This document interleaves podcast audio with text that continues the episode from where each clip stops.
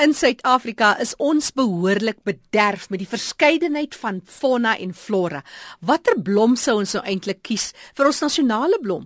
En dan die kenmerkende knopkierie kopvoël, ons nasionale voël, die bloukraanvoël.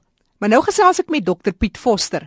Afgetrede plantkundige was betrokke by die departement van plant en dierkunde by die Universiteit van Stellenbosch en dit gaan juis oor ons natuurerfenis, die besondere fynbosstreek, want hy was instrumenteel in die vertaling van die boek van professor Karen Esler, Fynbos: Ekologie en Bestuur. Dr Foster, vertel ons meer oor hierdie boek en die doel daarvan. Nou hierdie boek is spesifiek geskryf vir mense wat nie na aan die aarde is nie, maar wat 'n stukkie fynbos gekoop het vir hulle eie plesier of vir bewaringsdoeleindes, maar nie noodwendig weet hoe om dit te bestuur nie. Want fynbos is 'n baie eenaardige plantegroei tipe. Anders as enigiets wat 'n mens elders kry. En as 'n mens hom nie op 'n spesiale manier bestuur nie, gaan dit ten gronde. Die doel van hierdie boek is dan om mense te help om hierdie grond doeltreffend te bestuur. Die belangrike punt hier is hierdie plante kom voor op van die armste gronde op aarde. So hulle het groot probleme met voeding en hulle het allerlei fisiologiese strategieë ontwikkel om dit te oorleef. Maar dit is nog nie die hele storie nie. Hierdie plante kry hulle reën in die winter. Die somers is warm en kurkdroog. So hierdie plante leef onder baie baie moeilike omstandighede wat water betref, wat voedingsstowwe betref. So dit klink asof fynbos eintlik baie meer interessant is en baie intens as ons nou dink aan hierdie droë warm somers, koue nat winters en partykeer is dit brande wat ook help met die voortbestaan en en die verskynsel van nuwe spesies. Dit is waar, dat die verskynsel van nuwe spesies het waarskynlik nie soveel te doen met die klimaatomstandighede as met die topografie nie. Want die Kaap is ontsaglik bergagtig en die ontstaan van spesies is intiem gemoeid met isolasie En natuurlik hierdie hoë berge met diep valleie tussenin isoleer groepe plante van mekaar. En dit is dan soos hulle 'n nuwe spesies ontwikkel. Nou sinoniem met die fynbos, as ons praat van die fynbos, is die Kaapse blommeryk. Kom fynbos net in die Kaap voor? Wel, fynbos tipe plante groei. Kry 'n mens eintlik ver buite kan die Kaap. Mense kry dit langs al die hoë berge van Afrika tot sover is Ethiopië. En in plekke soos Suidwes-Australië, Kalifornië en ook Suid-Amerika kry 'n mens ook 'n plantegroei tipe wat feitelik nie onderskeibaar is van fynbos nie. Ook onder winterreënval toestande, droë somers en baie arm gronde. Hmm, dis nou interessant, maar die koningsprotea, dis nou ons nasionale blom, die kom net hier in Suid-Afrika voor. Die kom net voor in Suid-Afrika, maar dit is ook 'n interessante soort daarin, want hy kom oor 'n redelike groot gebied voor wat beteken dat hy taamlik varieer. Byvoorbeeld van blomme wat byna spierwit is tot blomme wat baie diep pinkrooi is. En as 'n mens koningsproteas wil versamel en jy weet wat jy doen, kan jy nie alleen hierdie verskillende kleurforme besit nie, maar jy kan dit ook so doen dat daar feitelik elke maand van die jaar blomme is. Want hierdie goed blom nie altyd dieselfde tyd van die jaar nie. En daar's ook baie spesies nie minder nie as 120 spesies net van proteas. Daar is baie soorte proteas, ja. Ou ek praat nou spesifiek van koningsproteas wat so varieer. Ja, en hulle is groot. So 'n blomkop kan tot 30 cm vat.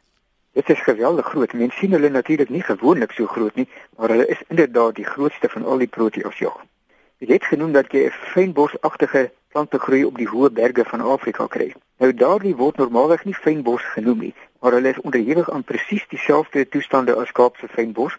Hulle lyk dieselfde, baie van dieselfde families en genera kom ook daarvoor. Die wat in Australië, Kalifornië en Suid-Amerika voorkom, lyk ook soos ons fynbos. En fisiologies is hulle soos fynbos, fisiologies en ekologies, maar dit is nie dieselfde spesies nie. Dis heeltemal ander spesies, heeltemal ander genera.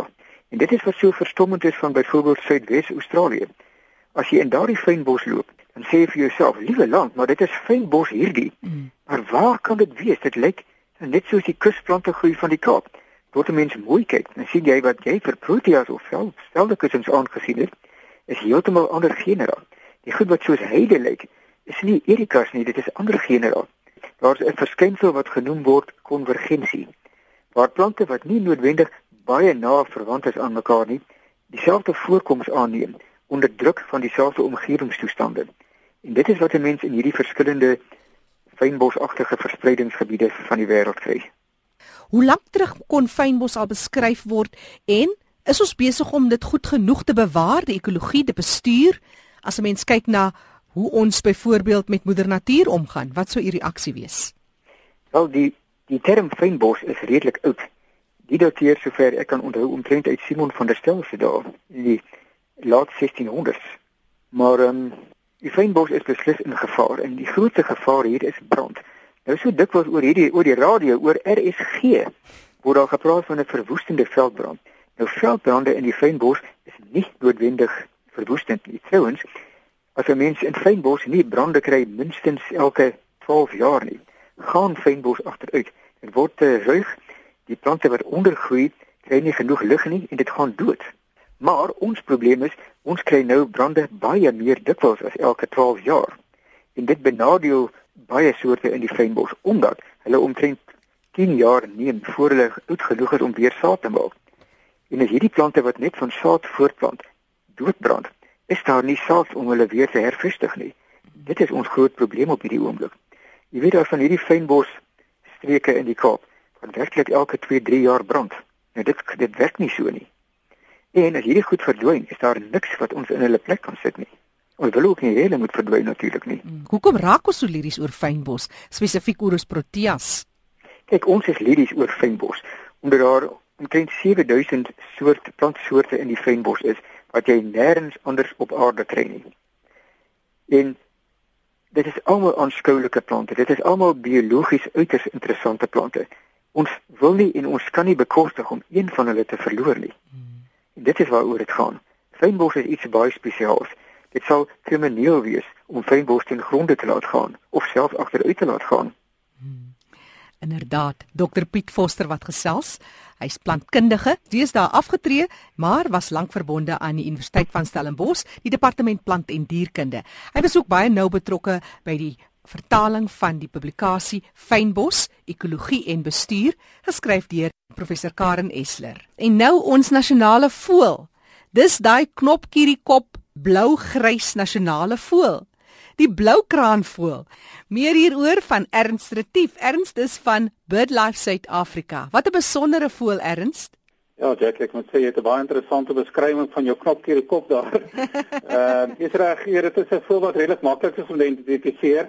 Ag so hier en daar verwar mense om baie keer met 'n sekretaris voel of 'n sekretaris voel met die bloukraan voel. Maar is gewoonlik 'n redelike maklike voel om uit te ken soos jy sê, hy's maar redelik grys, staan redelik groot, so hoog, so 1 tot 1.2 meter, weeg so amper tussen 4 en 5 kg. Een van ons pragtige voëls en dit is altyd fantasties om hulle te sien. Hulle is 'n voël wat uh, in groot gedeelte van ons land voorkom. Hulle hou maar van die graslande. En maar um, kom byvoorbeeld in die Weskaap en groot gedeeltes voor en veral in um, landbougebiede in ou lande. En um, eintlik doen hulle baie goed in die Weskaap en um, hulle hou daarvan om van die ou lande wat wat sopas geoes is en so rond te loop. Interessant genoeg, dit is die kraanvoël wat die nouste verspreiding of die kleinste verspreiding in die wêreld het. Um, Hy's basies endemies tot Suid-Afrika. Dit beteken met ander woorde hy kom net in Suid-Afrika voor alhoewel daar so 'n klein populasie in Namibië is. Maar van al ons kraanvoël spesies het hy 'n baie klein verspreiding. Net van ons ander kraanvoëls um, kom in in die res van Afrika ook voor. Hierdie voël kom omtrent net in Suid-Afrika voor, so ons moet baie mooi na hom kyk. En dit is ons verantwoordelikheid jy weet om seker te maak dat hy dat hy voor te staan. Omdat hy so spesifieke behoeftes in die graslande het, is hy ook bedreig. Ehm um, alhoewel nie baie hoog nie, hy is maar een van die laer kategorieë van bedreigde status. So ek sê hy doen redelik goed, so daar selfs 'n moontlikheid dat ons hom daarvan sal verwyder. Maar veral omdat die graslande so bedreig is, um, Jackie, ek dink ons het in vorige programme lank terug daar gepraat dat ons graslande word geweldig bedreig en al ons voëlspesies wat te doen het met graslande, um, se getalle neem af. Dit is maar mooi kyk na bloukraanvoëls want dit maak ook gebeur dat um, as gevolg van myne en plantasies en al die soort van dinge waar graslande baie besig is om te verminder, dat hulle habitat ook al minder sal wees. Soos ek sê, gelukkig nou vir landbou, ehm um, help dit daarom so 'n bietjie op 'n manier om hulle getalle ehm um, redelik aan die gang te hou. Erns vertel ons kraanvoëls oor die algemeen is eintlik baie goeie ouers. Ja, hulle maak hulle kleintjies baie mooi groot. So uh, hulle begin so brood as hulle so 5 jaar oud is, 4 na 5 jaar. En dit is natuurlik nog van hierdie groot voëls, maar altyd 'n probleem bewaringsgewys, jy weet, 'n duif sal Som in die eerste jaar broei, maar vir die groter voëls, ehm um, broei is as hulle so 4 of 5 jaar oud is, maak net so op die grond. uh, gewoonlik so naby 'n uh, 'n vlei land of uh, waar dit bietjie nat is. Alhoewel hulle ook in droë gedeeltes soos in die Oeverberg en so aan meer droë gedeeltes sal hulle ook broei. Ja, maak maar so een of twee of drie kleintjies op 'n slag groot, so is nie geweldige hoeveelheid nie. Maar hulle sal self elke jaar broei, so hulle broei daarom redelik gereeld. Natuurlik net sien hierdie voëls in baie groot getalle by baie keer bymekaar kom. Baie keer en dit is besonder om te sien dan kom daar soms so 500 na 1000 van hulle bymekaar. Maar in 'n ander geval is dit meestal klein groepe so van 10 voëls. Selfs in Gauteng is dit verbaasend om te hoor dat hier aan die aan die weste kant van Gauteng by Devon se omgewing het ons 'n groep van so 200 wat um, gereeld daar rondloop van van bloukraanvoëls. Luisteraars selfs hier so in Gauteng kan weet dat die bloukraanvoëls ehm um, is sommer naby ons. Dit is so interessant dat ek kon ek noem dat um, die bloukraanvoël gaan volgende jaar by BirdLife Suid-Afrika die ehm um, voël van die jaar wees.